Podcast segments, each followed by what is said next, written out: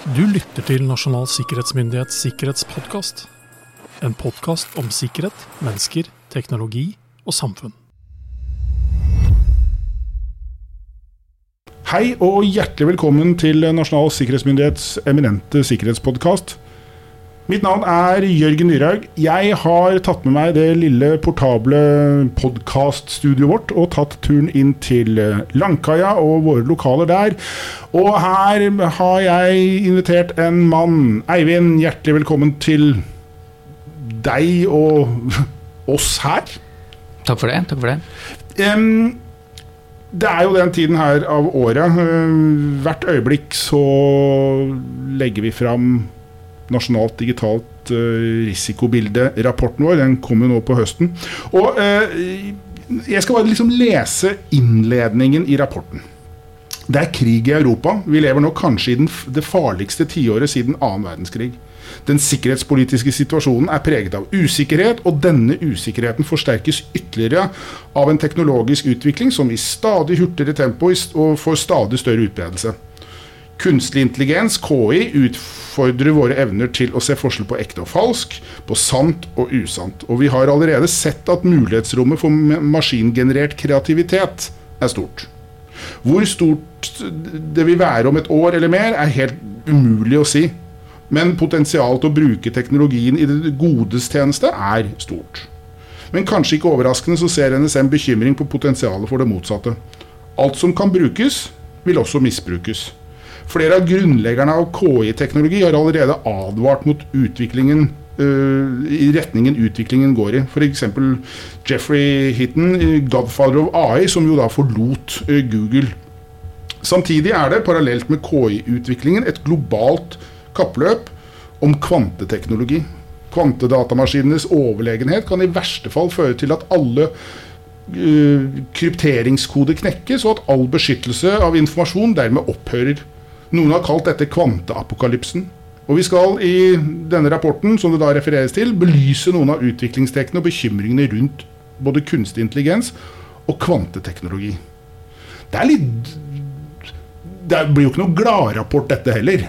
Nei, det er et uh, alvor her. Det er, det. Det, er, det er et alvor. Um, men hvis du skal begynne, da. Generelt sett, det digitale risikobildet slik vi ser det nå høsten 2023, hvor, hvor står vi? Hva, hva skjer rundt oss? Det folk kanskje har friskest i minne, er jo um, DSS-saken, hvor tolv departementer ble kompromittert. Mm. Um, og her var det jo bruk av nulldagssårbarhet som mm. var inngangsvektoren, som vi kaller det. da. Mm. Hva, hva, kort fortalt, hva er en nulldagssårbarhet? Det, det, er et ord vi bruker liksom med største selvfølgelighet, men det, det er ikke Hva er null hva, hvorfor heter det null dag? Hva Altså Nulldagssårbarhetsbegrepet spiller på at man har null dager til å forberede seg på uh, angrepet. Um, det er en ukjent uh, uh, sårbarhet i programvaren ja. som ingen er kjent med. Bortsett fra trusselaktør, da. Ja, Så eier eller leverandør av systemet er heller ikke klar over dette, så det fins de facto ingen det er ingen patch, det er ingen feilretting som er gjort for denne feilen, for den er altså ukjent. Nei, ja, riktig. Ja. Nei, men uh, DSS, nulldagssårbarhet, som ble utnyttet der. Um, hva, hva, hva, tenker du, hva, hva, betyr det når en trusselaktør faktisk bruker en nulldagssårbarhet? Det, det er i mitt hode et sånt, et sånt S det, som du kan liksom spille inn. Ja, det er ikke noe man um, slenger tilfeldig om seg med, for Nei. å si det sånn. Mm. Tenker man da at dette liksom hva lukter det av sånt? Det, jo ikke, det, virker jo ikke som en tilfeldig hendelse da? Nei, det, det, indikerer jo kanskje en viss grad av målrettethet, da, kan ja. man jo si. Ja. Mm. Andre ting um, Et begrep, et fenomen som jo hva skal jeg si, skjer ganske hyppig, er jo disse tjenestenektangrepene, også da kalt DDoS-angrep. Uh, hva, hva, ser vi der? Altså Det siste året har jo vært preget av um, en rekke bølger av tjenestenektangrep mm. mot forskjellige norske virksomheter, både offentlige og private. Um, og det tolker vi egentlig som en ny normal. Um, og vi ser på det også langt på vei som, som del av en uh, påvirkningsoperasjoner, først og fremst. Ja. Um, for de har jo så langt vært mest forstyrrende eh, Ja. i sin natur. Da. Ja. For, for, for det, det er jo litt viktig å påpeke at en, en, et tjenestenektangrep er jo egentlig bare å si, utenifra og ikke på innsiden, men utenifra og inn mot eh, et grensesnitt. De, er ikke, jeg, de har jo ikke kompromittert systemene på baksiden, men jeg, de hindrer deg og meg i å få kontakt med tjenesten. Ja, de hindrer uh, vanlig trafikk i å nå Ja. nettsidene. nettsiden. Da. Ja. Ehm, hvordan vil du si at utviklingen har vært eh, Jeg håper å si på trusselaktørsiden? Eh, det er jo folk som har dette som jobb. Hva skal jeg si Røverne der ute er jo proffer. Ja, de, de er på jobb, og um, de, de kommer på kontoret og gjør jobben sin og går hjem igjen. Mm. vi ser jo um, tegn til prof profesjonalisering av egentlig alle ledd i cyberangrep. Um, alle ledd i et angrep kan, kan bli kjøpt, uh, på det mørke nettet gjerne. Mm, Sårbarhetsskanning, phishing-kampanjer, uh, løsepengeangrep eller DDoS-angrep. Eller at man kjøper stjålne brukernavn og passord. Ja, så, så som handelsvare og som tjenester, bare hva skal jeg si med et motsatt fortegn i forhold til alt annet. Ja. Og det, mm, det, det, ser vi, at uh, dette er en, en bransje som profesjonaliseres. Og vi merker det også på um, f.eks. sosial manipulasjon, som har blitt veldig sofistikert det siste året. Og det ser vi også i Norge. Um, hva skal vi si, kvaliteten på innholdet i de uh, phishing-e-postene, og gjerne spare phishing, Ja. altså de målrettede phishing-kampanjene, Ja. har fått et veldig eh, fra trusselaktørers side god kvalitet på det Det har innholdet. mye bedre. De har blitt mye flinkere. Absolutt. Betyr det at den derre i gåseøyne påstanden man hadde tidligere, at, at du liksom les e-posten nøye og du vil si at det er dårlig norsk, og et eller annet sånt, er den i ferd med å bli borte? Ja, den er i ferd med å bli borte, fordi ja. kvaliteten er i ferd med å bli så god. Og vi frykter jo også at eh, kunstig intelligens vil ytterligere forbedre eh, kvaliteten på det innholdet. Og kanskje vil den også kunne kombinere det hva skal vi si, beste fra masseutsendte phishing-e-poster eh, til å få det gode, den gode kvaliteten som eh, sparefishing eh, har hatt. Altså Ja. at um, du får målrettede phishing-angrep i, i, eh, i en en mye bredere spredning. Da. Ja. Det er noe vi frykter KI kan bidra til. Og så har man jo også sett eh, si, ut, eh, utfordringer knyttet til dette med tofaktorautentisering, flerfaktorautentisering, multifaktorautentisering. Kjært barn har mange navn. Men eh, som jo har vært et vanvittig godt sikkerhetstiltak i lang, lang tid. Eh, Hva er status der? Ja, og er det fortsatt. Og er det fortsatt? Det er um, kanskje viktig å påpeke. Absolutt. Um, men det vi ser, er at um, trusselaktører er, um, er nå i stand i større grad uh, enn før til å omgå uh, multifaktorautentisering. Uh, enten ved uh, bruk av menneskelige sårbarheter, altså um, det er en teknikk som kalles eh, MFA-bombing eller spamming, hvor man prøver bare gjentatte ganger. Du ser det kanskje på mobilen din at du får opp en, eh, en forespørsel om, om, eh, om innlogging. Ja. Og så kobler man kanskje ikke at dette er noen som faktisk prøver å komme seg inn. Kanskje tror man at det er en teknisk svikt, eller Og så ender det opp med at man blir så lei av at den uh, meldingen popper opp, at man, at man trykker godkjenn, da, bare for å bli det kvitt. Um, men det er, en, det er en omgåelsesmåte som vi har sett uh, bli brukt, og som også dessverre mm, i noen tilfeller lykkes uh, trusselaktørene i Ja. å komme seg forbi det på den måten. Men det finnes også mer raffinerte tekniske måter som vi ser blir stadig mer utbredt, eh, som kalles eh, MFA session token tyveri. Altså at det er egentlig en sikkerhetsbillett som du får og som stjeles teknisk av trusselaktøren. Så med andre ord så er ikke multifaktorautentisering er like sikkert som det kanskje tidligere var. Altså, man bør absolutt ha det, og, og, det er fortsatt et godt tiltak, men man kan ikke stole på at det i seg selv er nok. Det er ikke vanntett. Det, det, er ikke absolutt, nei. Og det, og, det, og det, er kanskje et viktig budskap litt sånn på siden. Uh, ingenting er helt sikkert. Nei. men du må ha nok av ting som er sånn passe sikkert, så blir jo summen til syvende og sist ganske bra.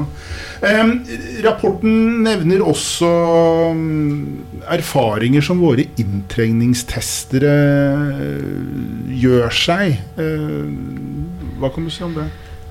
Ja, altså Pentesterne, som vi kaller dem, um, gjør jevnlig um, tester da, hos virksomheter i, mm. i, etter avtale med dem, selvfølgelig. Um, og det litt tragikomiske her er jo egentlig at det er, det er stort sett de samme sårbarhetene de finner. Mm. Så um, noen syns kanskje at NSM kommer med de samme rådene hele veien, men, men, det er litt fordi vi ser at det er behov for disse rådene. Ja. Um, det er de samme, ja. samme gamle syndene som uh, Som vi drar med oss fra år ut og år inn. Ja. ja. Og da, da, er det jo um, Vi har kategorisert dem litt, um, men, men dårlige passord er, er, en gjenganger, mm. dessverre. Um, brute force, eller passordgjettingsangrep, det er fortsatt vanlig. Mm. Um, og det viktigste tiltaket her er egentlig at man, uh, at man innfører en maksgrense på antall passord som man får lov til å gjette. Ja. Det vil være et godt tiltak. Ja. Um, og så er det generelt uh, slurv med, med tilganger. Da, at man har eldre administratorkontoer som, som, ikke er deaktivert. Og kanskje at uh, admin og, og, spesialkontor har unødvendig høye rettigheter. Da. Det man må være klar over da, er at disse kontoene blir veldig attraktive mål for trusselaktørene. Mm, mm. Og der er det vel slik at man alltid har sagt at de som skal ha, skal få. De som ikke trenger, skal få slippe. Uh, mm. For det er en Jeg har nemlig opplevd sånn personlig at man liksom ser på det som en viss sånn ære forbundet med å ha forferdelig mange rettigheter.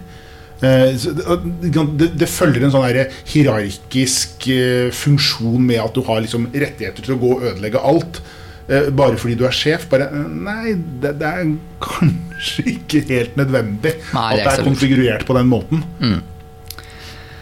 Um, og så er, er, det generelt utdaterte systemer da, som, som våre pentestere utnytter seg av. Ja, gammel arv, liksom? Sånn ja, både eldre operativsystemversjoner som er så gamle at det lages ikke lenger sikkerhetsoppdateringer av produsenten til dem. Men, men, men generelt utdatert programvare da, som ja. ikke er patchet eller sikkerhetsoppdatert.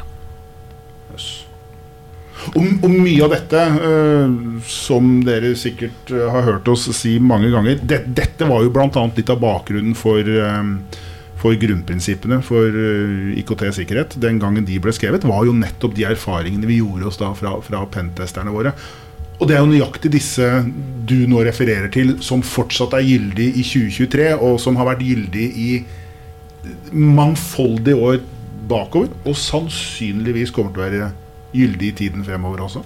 Ja, dessverre, kanskje får ja. vi si. Men, ja. Eh, men, det er jo en viktig påminnelse da, om, eh, om at hvis man følger de grunnprinsippene, så, så er man langt på vei dekka mm, mm. på en veldig god måte. Ja. Et ord som kanskje ikke er nevnt i grunnprinsippene noen gang, er jo liksom kvanteapokalypsen. Mm. Uh, jeg kan i hvert fall ikke huske at uh, å ha lest det i grunnprinsippene et eller annet sted. Kort.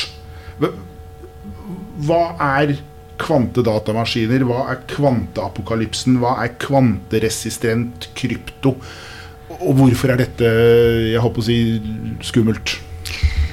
Altså, alt fra kredittkort til, til F-35 kampfly, eh, moderne dørlåser. Eh, alt dette er avhengig av de kryptografiske mekanismene i bunn, og, og, at de er sikre.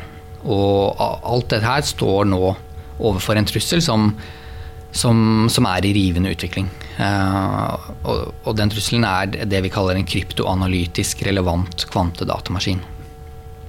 Så man, man, regner med at noen kommer til å greie å utvikle en sånn eh, rundt år 2030. Og da, da, da, da snakker vi om et vanvittig paradigmeskifte i regnekraften i en datamaskin. Ja. Eh, jeg, jeg har ikke noen tall i hodet, men vi går kanskje da fra 1 til 2 til 1000, eller kanskje mer. Og det betyr jo da at disse kvantedatamaskinene ra raskere Der hvor vi har trodd at kryptomekanismene er så Det vil ta så lang tid å regne seg fram til at det er uaktuelt. Den tiden er nå liksom plutselig blitt liten, kort. Altså det, er det, er nesten litt vanskelig å se for seg ja. uh, den rene kapasiteten. Da. Men, men, konsekvensen er jo at en, en, sånn type kvantedatamaskin vil kunne knekke alle dagens krypteringer på, på, et blunk, så å si. Så det er jo da et forskningskappløp som uh, er i full gang mot å bli den første bedriften eller uh, nasjonen da, til å få den, den voldsomme kapabiliteten. Hva betyr dette for deg og meg og jeg håper å si en verden av brukere, folk og brukere? Den, den, gode nyheten her, da, for å si det sånn, det, det, er jo at man kan begynne å forberede seg allerede nå. Eh, det fins gode løsninger som er på vei, eh, og som er basert på det vi kaller kvanteresistent eh, kryptografi. Og alle virksomheter eh, som har planlagt innkjøp av store IT-systemer, bør vurdere om eh, leverandøren har eh, noen konkrete planer for migrasjon til kvantesikker IT. Mm. For dette er ikke evolusjon, dette er revolusjon? Det vil være en ganske uh, revolusjonerende Et paradigmeskifte, kanskje, vil man kunne si. Ja. Når dette kommer. Um, hvor er NSM i dette kappløpet? Altså, Dette med migrasjon da, til kvantesikre kryptoalgoritmer, det, det, er et av de første prosjektene som NSM har lyst til å gyve løs på da, eh, når vi åpner et nytt senter for anvendt kryptologi nå i oktober. Og, og dette senteret skal bli en arena hvor NSM eh, jobber sammen med eh, industrien, Eh, akademia eh, og, og, andre myndigheter. Eh, og hvor man kan samarbeide om relevante prosjekter for alle. Sånn som, sånn som f.eks. denne migrasjonen som er nødt til å finne sted. Mm. Så vi arbeider med si, å bygge nyere, nye, høyere, tykkere gjerder, murer. Det, det pågår. Det, det, har begynt. Ja, det har begynt. Men, men hvis disse murene og gjerdene blir høye og trygge og igjen ugjennomtrengelige utenifra, øker ikke da risikoen for at du står i fare for å få en, en på innsiden? Jo, så det er et annet poeng vi tar opp i, um, i rapporten. Um, det korte svaret på spørsmålet ditt er jo egentlig uh, ja. Um, jo bedre, ja, jo bedre cybersikkerhet uh, man får, desto større er kanskje risikoen for, uh, for uh, en innsider. Da. Og noe av grunnen til det er jo at hvis din virksomhet besitter attraktive verdier, og du har en god motstandsdyktighet mot cyberangrep, så, så øker betydningen av de personene som er på innsiden av gjerdet, mm. som har fysisk tilgang til systemene. Så verdien for en trusselaktør Eh, til å greie å, å, å få en innsider, eh, blir på en måte høyere. Mm. Så du, man kan liksom si at pendelen har slått tilbake igjen? da? Eh, at liksom, Før hva skal jeg si, den digitale revolusjonen i gåseøynene, så var det jo hva skal jeg si, spionen på innsiden som var utfordringen. og safen og papirdokumentene, så ble alt datamaskinifisert, og så kunne du da sitte og bedrive faenskap fra strengt tatt hvor som helst, så lenge du hadde internett og strøm til datamaskinen din. Og vi ser nå en, en, mulighet for at pendelen svinger tilbake igjen og sier ok, men nå er det mannen eller kvinnen på innsiden som kanskje blir et ho hovedgode da, for en trusselaktør. Ja, det, det er jo en fascinerende tanke.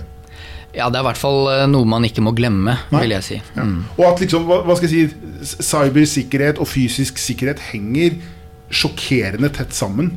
For det er til syvende og sist tilgang til informasjon, eh, en kapasitet. Om du da tar det gjennom en nettverkskabel eller gjennom en dør. Same, same. Ja. But different. Det er alltid mennesker som sitter bak eh, tastaturet. Ja. Så Ja. Åh. Ja, nei, det er eh, Og innsideproblematikken er jo i mitt hode forferdelig vanskelig. ja, det, det, den er det. Um, For det- det- den vil jo liksom for- den, den vil jo forutsette liksom en veldig, veldig helhetlig tilnærming til mennesker, teknologien og jeg håper å si de organisatoriske innretningene for hvordan mennesker bruker teknologi, og hvordan teknologien er liksom innvevd i virksomheten. altså, virksomheter bør nok som et minimum um, i hvert fall inkludere eh, innsidetrusselen eh, i, i sine risikoanalyser. Ja. Eh, man må ikke glemme at dette fortsatt er uh, aktuelt, og kanskje stadig mer aktuelt. Um, så det å, å, å også kanskje vurdere å innføre et uh, innsiderisikoprogram for å bevisstgjøre, uh, forebygge, uh, men også avdekke og, og håndtere når en hendelse faktisk oppstår, det det er ting som vi mener er viktig å ha tenkt på i, i forkant. Da. Men selvfølgelig, som alltid, ha tekniske løsninger da, som, som, som, som kan forhindre eh, uautoriserte forsøk da, på å hente ut eller endre på, manipulere. Ja. Eller også sabotere sensitive data som virksomheter kan ha. dette, dette er nært. Dette er liksom ikke en sånn ytre Her har du en på innsiden, altså, som du trodde bedre om, men som ikke Det viser seg at han ikke vil deg vel likevel. Ja, og det, um, man skiller jo mellom uh, den bevisste innsider og den ubevisste. Ja, ja. Og kanskje er det flere av det i den, den ubevisste Ja. som, som um, uh, kanskje ikke i utgangspunktet hadde som intensjon å være en innsider, men som likevel ender opp med å bli det. Som er en, så, en sårbarhet som utnyttes eh, mot sin for, vilje og forståelse. Mm. Ja, nei, det, det, det er Det er mye rart. Det hefter en del utfordringer. Vi, vi, vi, det, det, igjen, altså, vi, har jo en rapport foran oss som eh, peker på store st- Store utfordringer for oss som bruker dette. Men det har jo vært valgår i år. Um, Cyberdomenet er jo også en viktig arena f- for et demokratisk samfunn. Eh, Cyberdomenet har vært en viktig arena i valgkampen opp da til kommune- og fylkesvalget nå i høst. Eh, Hvordan brukes Hvordan ser vi på hvordan dette brukes mot demokratiske valg, cyberdomenet? Så det har jo dessverre vært veldig mange eksempler på uh, de forskjellige typer cyberoperasjoner mot uh, forskjellige demokratiske valg. Um, ja, senest kanskje i, i fjor, i 2022, så var jo det svenske riksdagsvalget var utsatt for DDoS-angrep. Um, og, og samme år så var USAs uh, mellomvalg til Kongressen utsatt for nye um, påvirkningsoperasjoner. da. Um, Hva, hva, hva er det disse cyberoperasjonene liksom retter seg mot? Er det, liksom, er det noe spesielt vi ser der? det favner jo bredt når vi snakker om cyberoperasjoner, men det er klart at eh, det er gjerne tre hovedmål. Da. Enten så er det velgerne, eh, eller så er det politikerne eller partiene. eh, eller så er det angrep som går mot selve valggjennomføringen. Da. Ja. Velgerne, hva, hva ser man? Altså Man ser jo at desinformasjon spres, eh, gjerne langs de kjente konfliktlinjene som allerede fins i de forskjellige landene.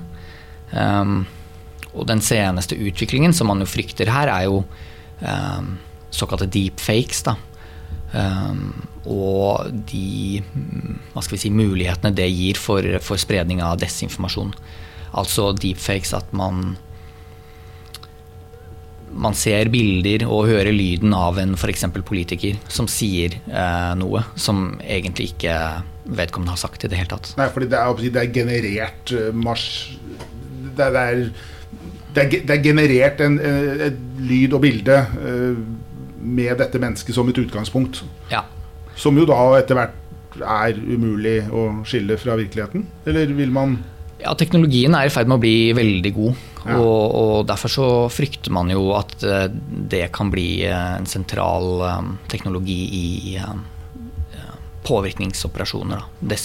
Men vil det også kunne være en mulighet til hva skal jeg si, å unnskylde seg selv hvis man faktisk sier noe som er dumt, og, og man mangler på Nei, det var en deepfake. Det var ikke meg, det var en deepfake. Ja, det får kanskje politikerne se på. Men eh, du nevnte også at eh, politikere og partier eh, utsettes for eh, cyberhendelser. Hva ser vi?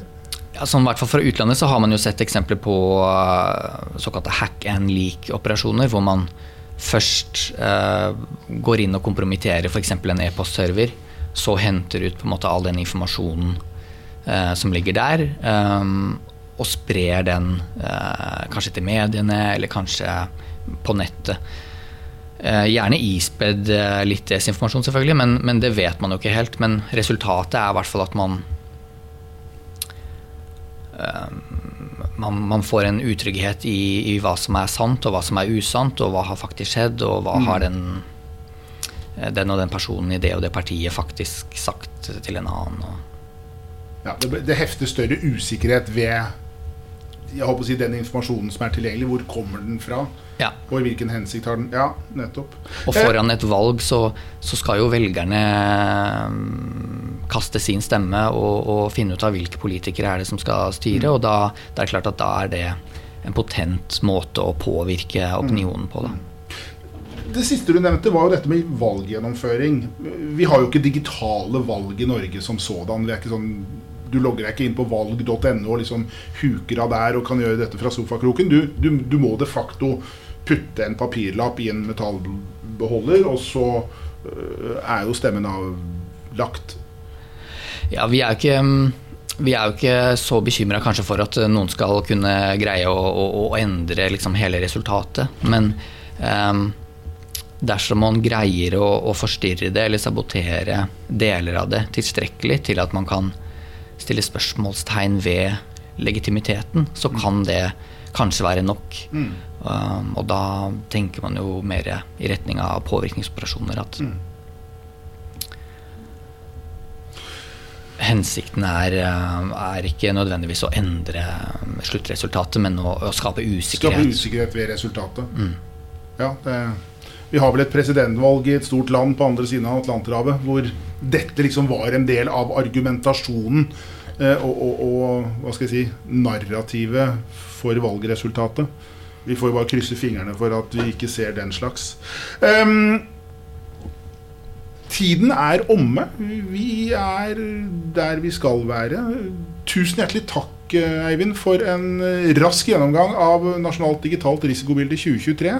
Så er det jo bare å oppfordre lytterne våre til å gå på våre hjemmesider og laste ned rapporten og lese den i detalj. Dette er viktig informasjon for betydelig mange flere der ute enn bare liksom politikere og beslutningstagere. Jeg tror det er lurt at det er flere som setter seg inn i denne beskrivelsen fra NSM til eh, det ganske land om hva som rører seg. Tusen hjertelig takk, Eivind, for at du kom i studio. Flotte greier. Takk.